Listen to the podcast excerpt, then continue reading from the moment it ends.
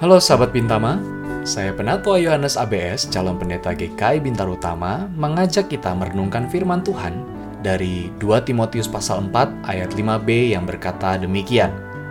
Lakukanlah pekerjaan pemberitaan Injil dan tunaikanlah tugas pelayanan.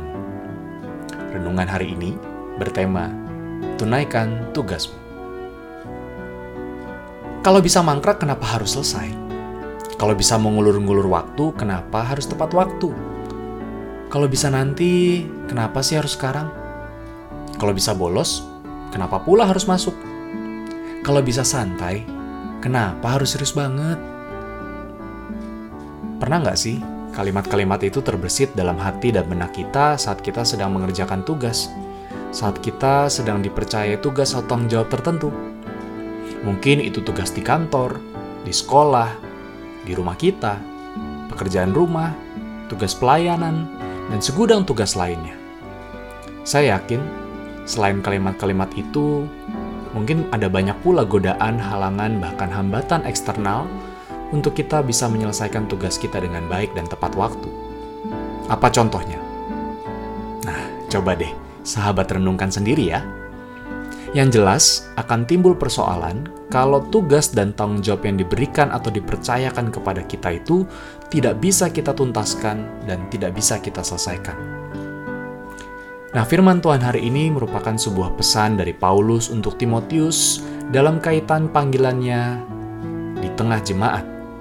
Salah satu pesan dari Paulus ialah seperti yang kita dengar tadi, lakukanlah pekerjaan pemberitaan Injil dan tunaikanlah tugas pelayananmu Pesan Paulus sangat jelas di sini. Timotius diminta untuk setia sekaligus berkomitmen pada setiap tugas dan tanggung jawabnya di tengah jemaat. Paulus paham betul bahwa ada banyak rongrongan untuk Timotius, baik itu dalam dirinya maupun juga dari luar dirinya. Tapi yang terpenting ialah tugas dan tanggung jawab itu harus dituntaskan dan dipenuhi. Paulus meminta agar Timotius nggak kendor tidak malas, dan tidak mengulur-ngulur pemenuhan tugasnya. Nah, sahabat Bintama, pesan yang sama dari Paulus juga berlaku untuk kita saat ini. Mari, kerjakanlah dan tunaikanlah tugas tanggung jawab kita sebaik mungkin. Apa pun itu bentuknya, seberapapun hasilnya, dan di mana pun tempatnya. Capailah target-target hidup kita dengan ketekunan dan kesetiaan. Meski kita kini masih dalam kondisi yang sulit, kita percaya bahwa setiap hal yang kita kerjakan dengan sepenuh hati akan mendatangkan kebahagiaan kelak. Jadi, tetap tunaikan tugas kita. Demikianlah renungan hari ini. Kiranya Tuhan memberkati aksi puasa dan berpantang kita serta seluruh karya kita hari ini. Amin.